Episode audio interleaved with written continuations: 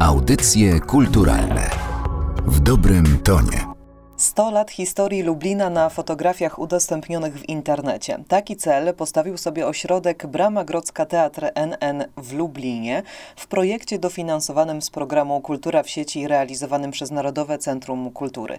Ja nazywam się Katarzyna Oklińska. Dzień dobry Państwu, a naszymi gośćmi są dzisiaj Patryk Pawłowski i Piotr Lasota, odpowiedzialni za pomysł i jego wykonanie. Dzień dobry. Dzień dobry, witamy. Dzień dobry. Aby opowiedzieć o historii miasta, skupiają się Państwo na pokazaniu codziennego życia jego mieszkańców i kolejnych pokoleń, bo chyba można zaryzykować takie stwierdzenie, że to właśnie poszczególni ludzie tworzą miasto, w tym przypadku Lublin takie, jaki jest naprawdę.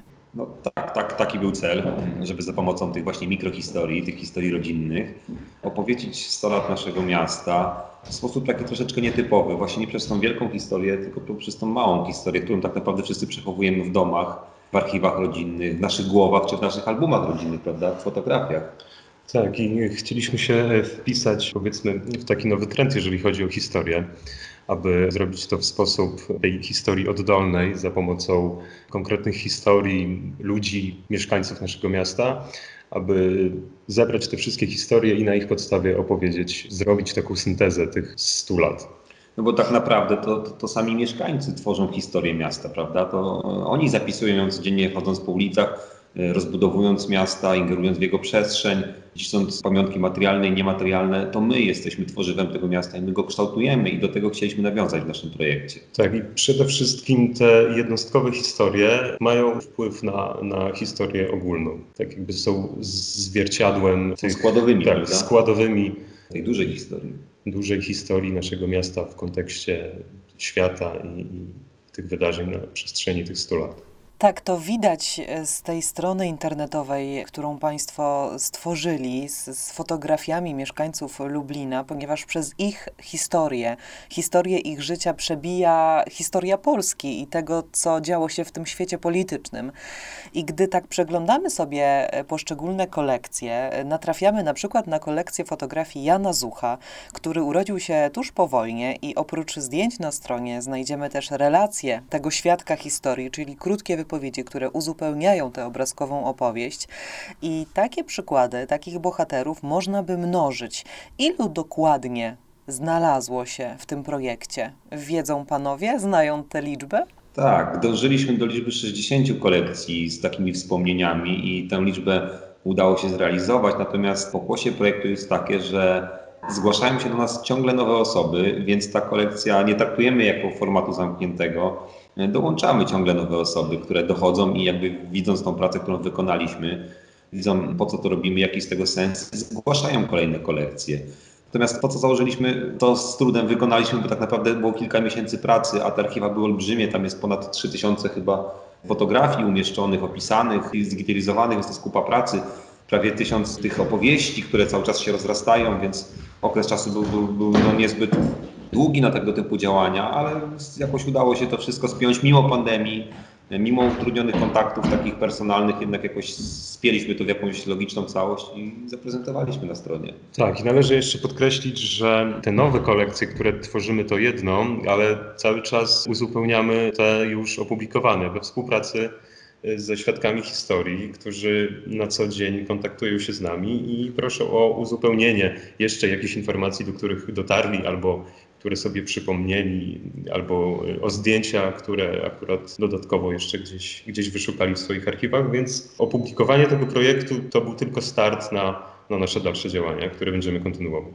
Wydaje mi się też, że rozbudziliśmy taką świadomość, to znaczy chyba ludzie nie do końca sobie zdawali, że to, co mają w szafach, e, na półkach, w albumach, że to, że to może być istotne społecznie, że to może być ważne, że zdjęcie autobusu z lat 70. na ulicy może być komukolwiek potrzebne. Oczywiście, że może być potrzebne. Że zdjęcie, nie wiem, przedwojennego wesela, czy jakiejś powiedzmy sytuacji, gdzie ktoś sfotografował zbombardowany budynek, że to może mieć użyteczne społecznie, może być pożyteczne społecznie. Oczywiście, że może być. Te archiwa tak naprawdę opowiadają nam miasto od strony jego mieszkańców. Świadkowie historii czasami nawet nie zdają sobie sprawy, że fotografie, które, które nam przekazują, mają jakąś dużą wartość historyczną ogólnie i też dla nas. I chcielibyśmy, jeżeli tutaj chodzi o fotografię i wspomnienia, historie rodzinne, aby już traktować to tak naprawdę poważnie jako źródło historyczne. Szczególnie, że o pewnych wydarzeniach, o pewnych miejscach, pewnych historiach są w stanie powiedzieć tylko ich naoczni świadkowie. Ich nie ma w tak zwanej wielkiej historii. Nie przeczytamy o tym w podręcznikach, nie dowiemy się w szkole czy nie znajdziemy artykułów na ten temat, bo tylko naoczni świadkowie historii są w stanie opowiedzieć nam te właśnie unikatowe, unikatowe wspomnienia. Tak, i okazuje się, że historia wcale nie jest czarno-biała z ich punktu widzenia, tylko jednak ma różne odcienie tej szarości. Czas, o którym rozmawiamy, czas, do którego panowie się ograniczyli, chociaż słowo ograniczać się, to sformułowanie tutaj nie, zupełnie nie pasuje, ale ten czas, do którego zawęzili panowie tę opowieść o mieście, opowieść o Lublinie, to jest 100 lat, 1918-2018. Czy to oznacza, że na stronie pojawią się również zdjęcia dokumentujące życie mieszkańców Lublina już w XXI wieku? Czy czekają Państwo, panowie, na takie zdjęcia, na dokumentację tego już współczesnego życia? Wydaje mi się, że może za jakieś 50 lat to zrobimy, prawda? To znaczy bardziej chyba w tym projekcie ujęte są niż fotografie współczesne, refleksje współczesne, bo często ci świadkowie historii wychodząc swoimi wspomnieniami od lat 20., bo takich mamy najstarszych, idą poprzez kolejne dekady, przez wojnę, przez PRL, przez później zmiany systemu w 1989 roku i te wspomnienia jak najbardziej, ich refleksje dochodzą do dnia dzisiejszego, do momentu nagrania, tak? Oni opowiadają swoje życie od momentu, kiedy pamiętają, do momentu, kiedy siedzą z nami i rozmawiają. Więc wspomnienia dotyczą jak najbardziej tego najnowszego momentu naszej historii. Natomiast zdjęcia chyba gdzieś w latach 90., prawda? Mniej więcej zatrzymaliśmy się na e, fotografii. E, tak, zatrzymaliśmy się tak krótko po czasie transformacji, bo to też nawiązuje do tego, co mówi tutaj Piotr, do wspomnień i do tego odnoszenia tych wspomnień do czasów współczesnych. Możemy to najbardziej zauważyć kolekcjach i historiach dotyczących 80-89 roku, gdzie świadkowie historii przekładają te wydarzenia na czasy nam obecnie współczesne. Taką prawidłowość, może nie aż tak jakoś twardo zaznaczającą się, ale możemy zauważyć, że to pokolenie, które przeżyły wojnę, dwudziestolecie, właśnie ten trud okupacji, to osoby jednak bardziej skupiają się na, na tamtych latach. Mimo, że żyją współcześnie i też przeżyły przełom i PRL, to jednak to naznaczyło ich losy. Natomiast osoby urodzone w latach 50., prawda, 60., no dla nich tym wydarzeniem był właśnie przełom I, i to jest dla nich takim pokoleniowym wydarzeniem i te, te, osoby mocniej naznaczyły w swoich opowieściach ten okres i też te fotografie odnoszą się bardziej do tego właśnie okresu. Więc jakby nacisk na punkt historii determinowała też data urodzenia tych ludzi po prostu. I historia miasta, to też jest ważne. Oprócz zwykłych obywateli, powiedzmy sobie takich przeciętnych, w takim sensie, że nie są oni bezpośrednio związani z jakąś dokumentacją życia czy życia miasta, na Państwa stronie znalazły się też świadectwa profesjonalistów, na przykład Lucjana Demidowskiego czy Romualda Marona, fotografów.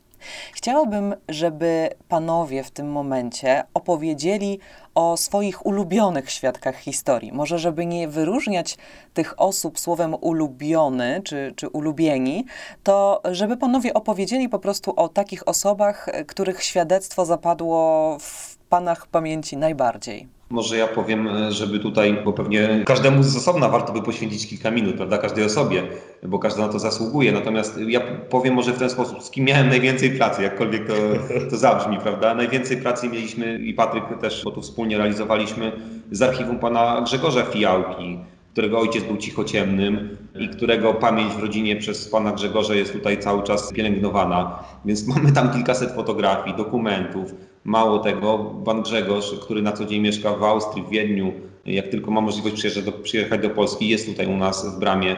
Te materiały cały czas opracowujemy.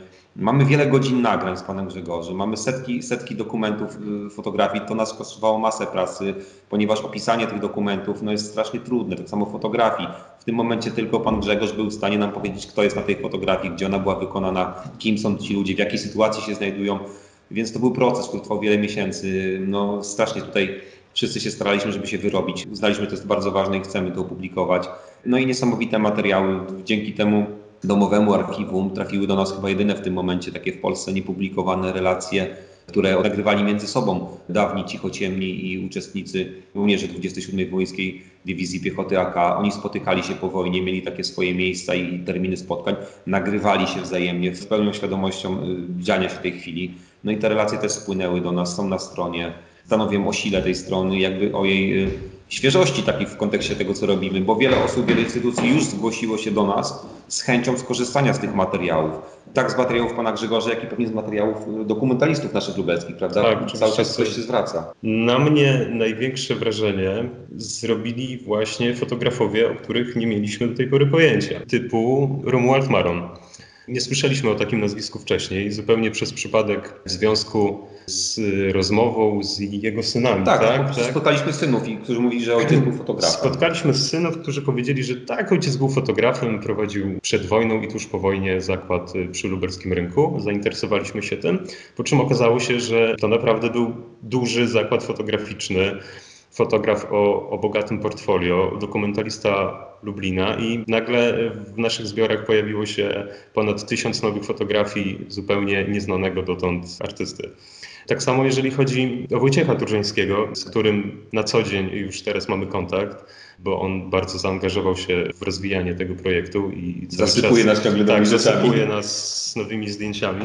Pan Wojciech Turżański po prostu robił sobie zdjęcia amatorsko i też za bardzo jakoś nie wychylał się z tymi materiałami. No nie wychylał się, on właściwie nawet nie chciał za bardzo rozmawiać, bo jest taką osobą, że, że, ciężko mu przechodzić. Tak, a, a, a jak się okazało, y, znowu mamy tysiące fotografii, które są świetne i pokazują, że Lublin i fotografia to nie tylko Hartwig i inni czołowi przedstawiciele tej sztuki, ale i półamatorzy. To jest pan, który w plecaku, jak sam powiedział, zamiast książek do szkoły chodził z aparatem, więc dokumentował, cały czas dokumentował. Do tej pory zresztą to robi, można go spotkać na ulicy z aparatem. Tak, świetna historia, świetny warsztat, świetny dokument Lublina a to, że pan Wojciech nie był wcześniej znany, po prostu dlatego, że, że robił to z przyjemności, nie zarabiał na tym, nie prowadził Nigdy nie zakładu. promował tego też tak na dobrą sprawę, bo to jest y, taki człowiek o takim charakterze, że no nie garnął się do promocji tych materiałów. On je miał przez wiele lat, być może czekał na taki projekt jak nasz.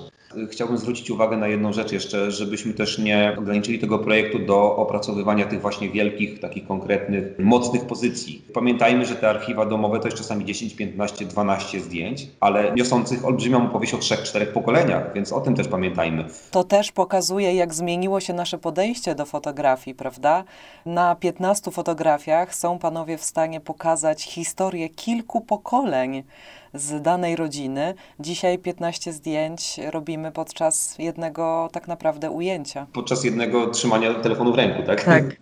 Natomiast też, no, czym byłyby te zdjęcia bez, bez tych opowieści? No, część na pewno byśmy byli w stanie opisać, zinterpretować, natomiast znakomita część tych zdjęć bez opowieści ich właścicieli, bez osób, które to archiwum pielęgnują, pamięć o nim, no to zupełnie anonimowe, tak? Jakieś postacie na tle jakiegoś domu, jakiejś ulicy. Dopiero dopełnieniem tych fotografii, tak samo naszych działów ikonografii i historii mówionej jest wzajemna współpraca i przenikanie się tych, tych dwóch warstw znaczeniowych. No, tak, No właśnie. Bez opisu są po prostu pocztówkami. No nie są nośnikiem zbyt wielkiej ilości informacji, prawda? I emocji przede I wszystkim. emocji. Właśnie, bo w tym projekcie oprócz fotografii ważne są też te historie, e, również historie świadków, ale również historie mówione na stronie. Oprócz, oprócz fotografii można też znaleźć wypowiedzi autorów zdjęć lub ich bliskich, nagrane lub spisane. Tak, optymalna sytuacja jest, że mamy w dwóch wariantach, prawda? Natomiast też y, część relacji jest jeszcze w autoryzacji, ponieważ no, to jest proces, prawda? Więc tam, gdzie mogliśmy, dawaliśmy albo tekst, albo wideo. No sądząc po ilości osób, które to oglądają, cieszy się to jakimś zainteresowaniem, bo chyba to, co w tym momencie próbujemy tutaj uprawiać w Bramie Grodzkiej od wielu lat, znalazło takie konkretne ujście.